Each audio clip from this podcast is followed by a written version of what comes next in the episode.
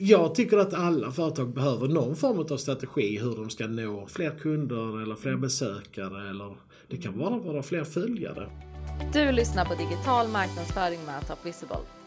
Här kommer du att få ta del av 20 minuters avsnitt där vi lyfter allt som rör den digitala branschen.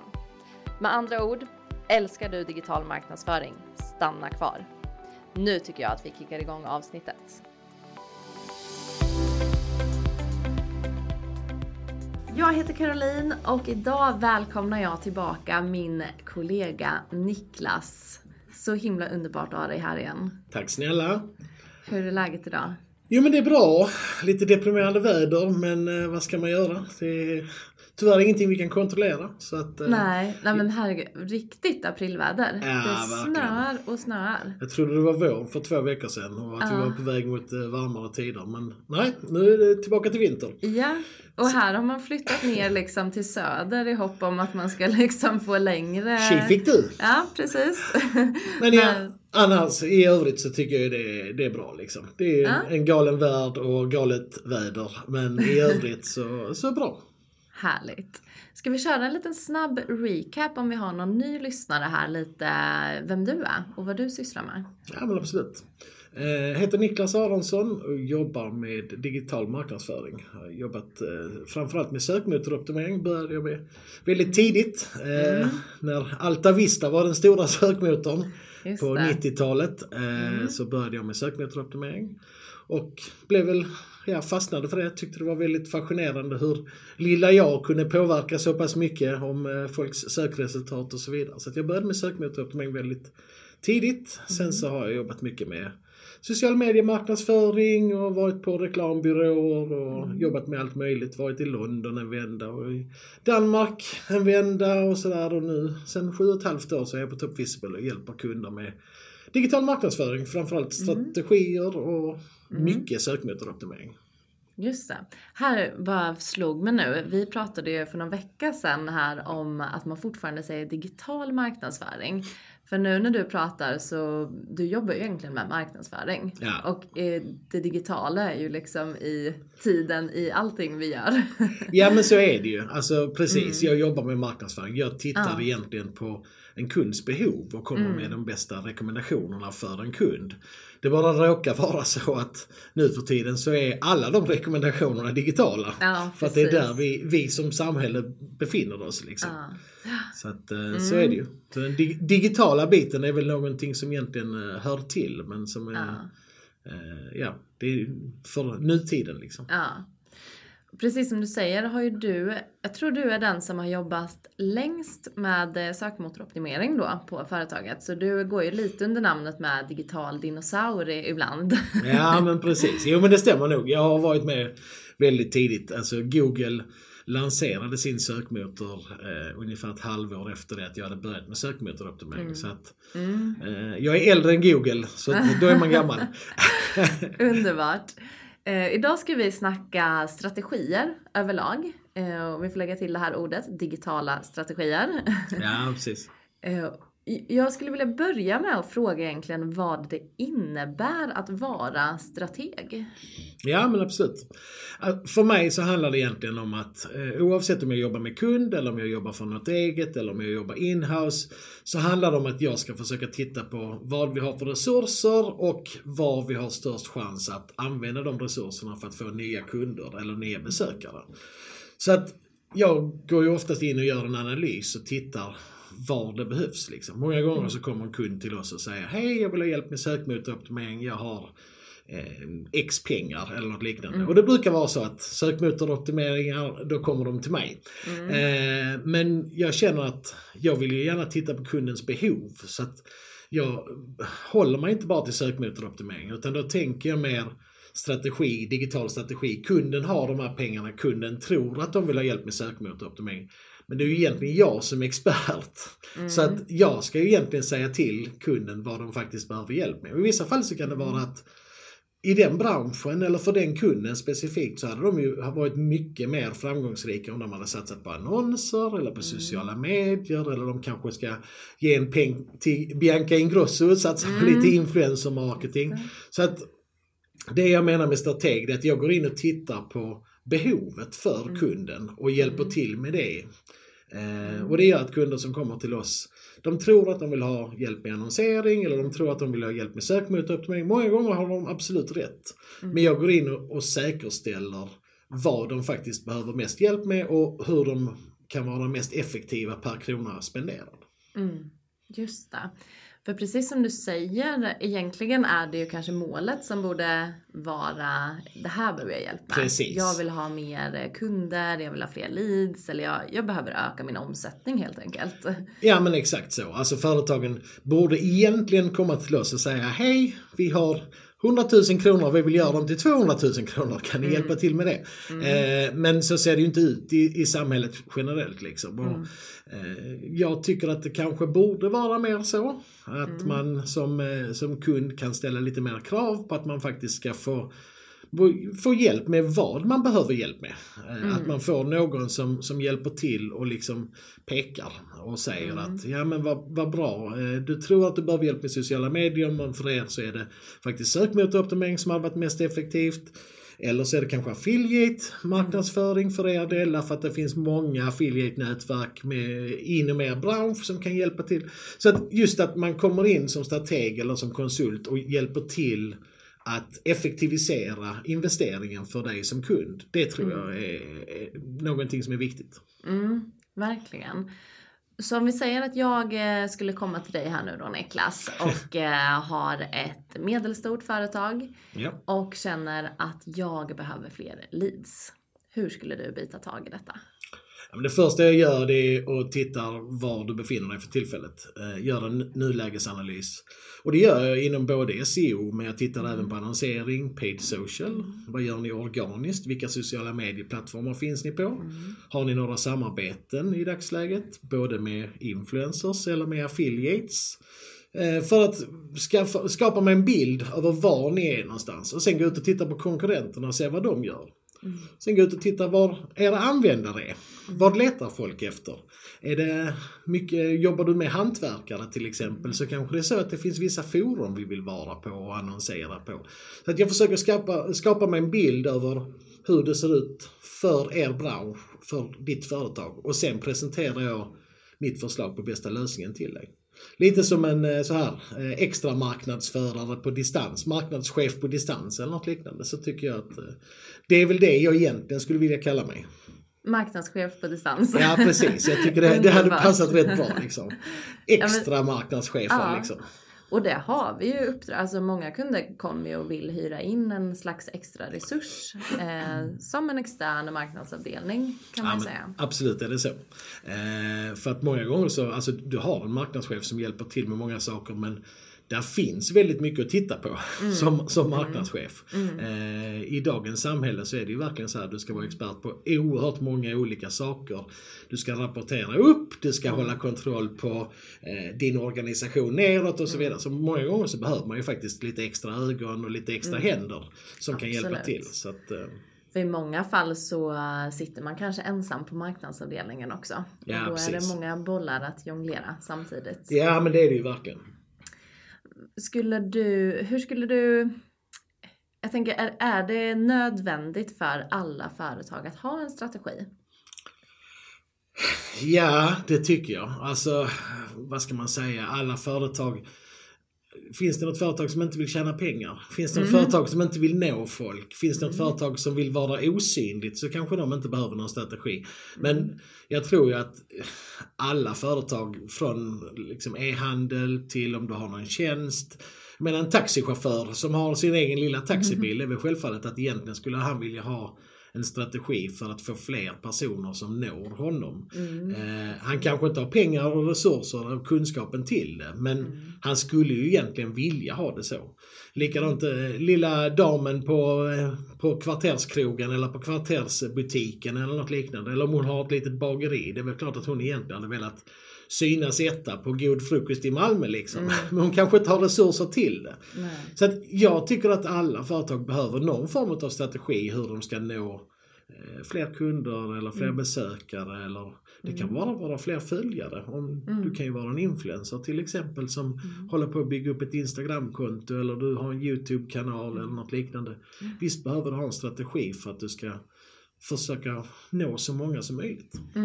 Det är någonting som genererar intäkter till dig så att Mm. Mm. Eller det här grundarbetet som eh, egentligen gör det mycket enklare att Ja. jobba med det löpande arbetet också. Ja men Och precis. roligare. Ja och framförallt att du har någon som har expertisen som kan komma in och säga var du ska lägga din tid. Mm. Även om du vill jobba med det själv och tycker att du ska sköta det själv så är det ju jättebra att ha någon som kommer in och säger att du kanske inte ska lägga all denna tiden på Facebook därför att det visar sig faktiskt att din målgrupp är mer på Instagram. Mm. Eller du kanske inte ska vara så mycket på YouTube därför att du borde egentligen vara på Twitch eller TikTok eller något Just liknande istället.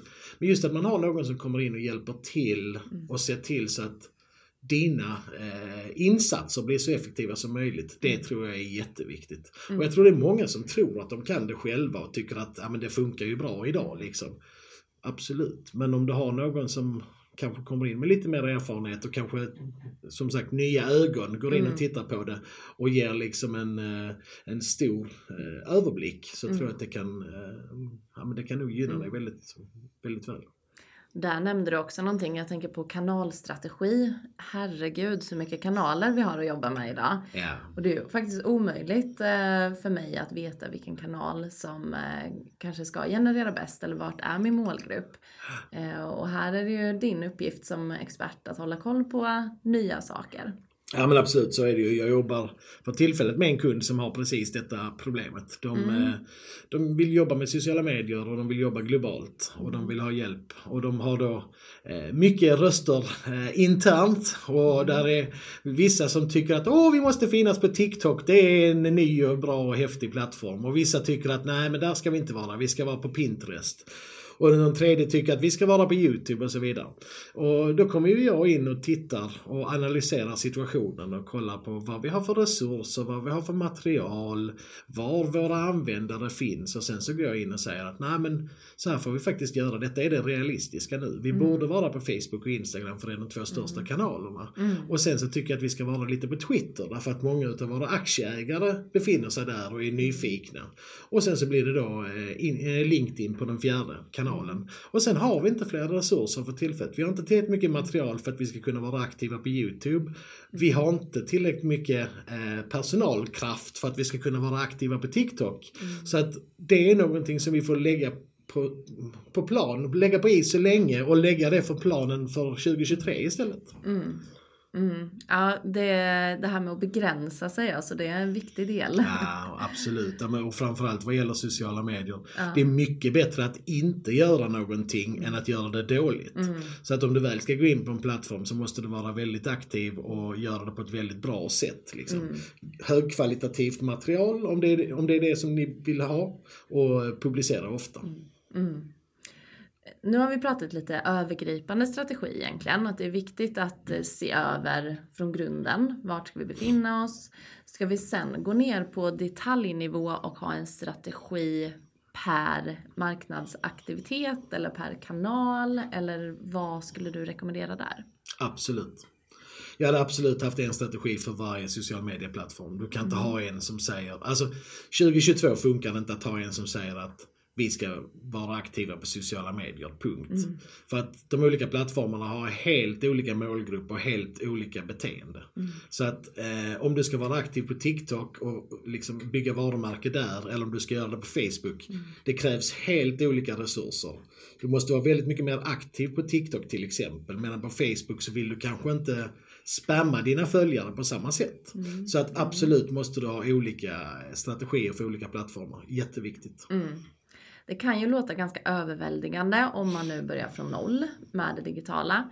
Om vi backar bandet lite här till att jag kom till dig här och ville generera fler leads, medelstort företag, medelstor budget. Var skulle du rekommendera att jag börjar? Ja, oj. Det är, en, det är en svår fråga när jag inte har ett, ett faktiskt företag att titta på. För det första jag hade gjort hade varit att gå in och titta hur det ser ut i dagsläget. Gått in och tittat på era analytics, gått in och kollat på dina sociala medier. Men generellt så skulle jag väl vilja säga att om jag tittar eh, överlag, om er strategi är långsiktig och ni vill bygga på distans så handlar det om att organiskt på sociala medier och organiskt på sökmotorer. Det vill säga sökmotoroptimering och social media marknadsföring. Om vi är mer på jakt efter snabba resultat och vi vill försöka nå trafik nu denna månaden. Mm. Då hade jag nu tittat på betalda kanaler. Det vill säga då hade jag tittat på Google Ads, Paid Social och kanske Influencer Marketing. Mm. Influencer Marketing framförallt tror jag är den stora i dagsläget. Mm. Om, du, om du har en bra med budget eh, och du kan gå via en influencer som faktiskt passar din målgrupp så kan det göra jättestora resultat. Och det har jag ju sett jättemånga samarbeten på. Mm. Liksom, där vi har mm. haft samarbete med Bianca eller samarbete med, med Isabelle eller någon annan stor eh, mm. influencer som liksom via eh, ett inlägg har kunnat pusha våra kunders eh, försäljning med oerhört mycket mm. kortsiktigt. Mm. Så att det, det beror lite på vad du vill göra. Vill du titta mm. långsiktigt så tycker jag att då ska du bygga organiskt. Mm. Men det är ju fantastiskt att kunna få det här serverat om man eh, ja, men börjar från noll och inte vet vart man ska ta vägen. Så kan mm. jag plocka ur russinen från din strategi kanske. jo men absolut. Men det är ju mycket så här också att Alltså det är klart att jag är stolt och glad över min kunskap. Men det handlar ju inte bara om kunskap, det handlar ju om att man ska kunna implementera också. Mm. Mm. Så jag har ju inga problem med att hjälpa till och försöka guida folk eller företag vad man ska tänka, hur man ska tänka. För sen måste det implementeras. Och det mm. måste göras på ett visst sätt också. Så att mm. jag är inte rädd för att dela med mig av kunskapen liksom. Eh, mm. utan Tvärtom, jag tycker bara mm. det är mm. roligt att folk frågar och jag försöker vara så ärlig och öppen och ge så bra svar som möjligt för det ska ju faktiskt göras någonting också. Mm. Eh, ja, det räcker inte bara att ha svaret utan man måste faktiskt aktivt gå ut och börja jobba med det. Ja. Eh, och där hjälper ju vi som företag till eh, mm. också. Så att vi går inte bara in med strategier utan vi hjälper ju till med implementationen också. Mm. Och den ena utan den andra, det är ju oftast det som är företagens problem. Mm. Antingen så sitter de och implementerar, det vill säga att de jobbar med sociala medier jätteaktivt. Men felaktigt. Mm, utan att ha en strategi. Precis. Mm. Eller så har de en strategi och de har en bra grundtanke och de har någon som har sagt till dem vad de ska göra och så vidare. Men de har inte resurserna att vara tillräckligt aktiva med det. Mm. Nej, så att, eh, som sagt, jag har inga problem med att dela med mig av kunskap. Jag, jag har ingen rädsla för att folk tar del av min kunskap utan det är ju helhetsbilden som är det viktiga. Liksom. Mm. Skulle du säga att det är någon skillnad i tänket mellan B2B och B2C? Alltså det är det ju såklart. Eh, om, du tittar, om du tittar på det stora hela eh, så är det ju självfallet att där är ju vissa, vissa skillnader. Men om du bara tittar rent marknadsföringsmässigt en kul fråga.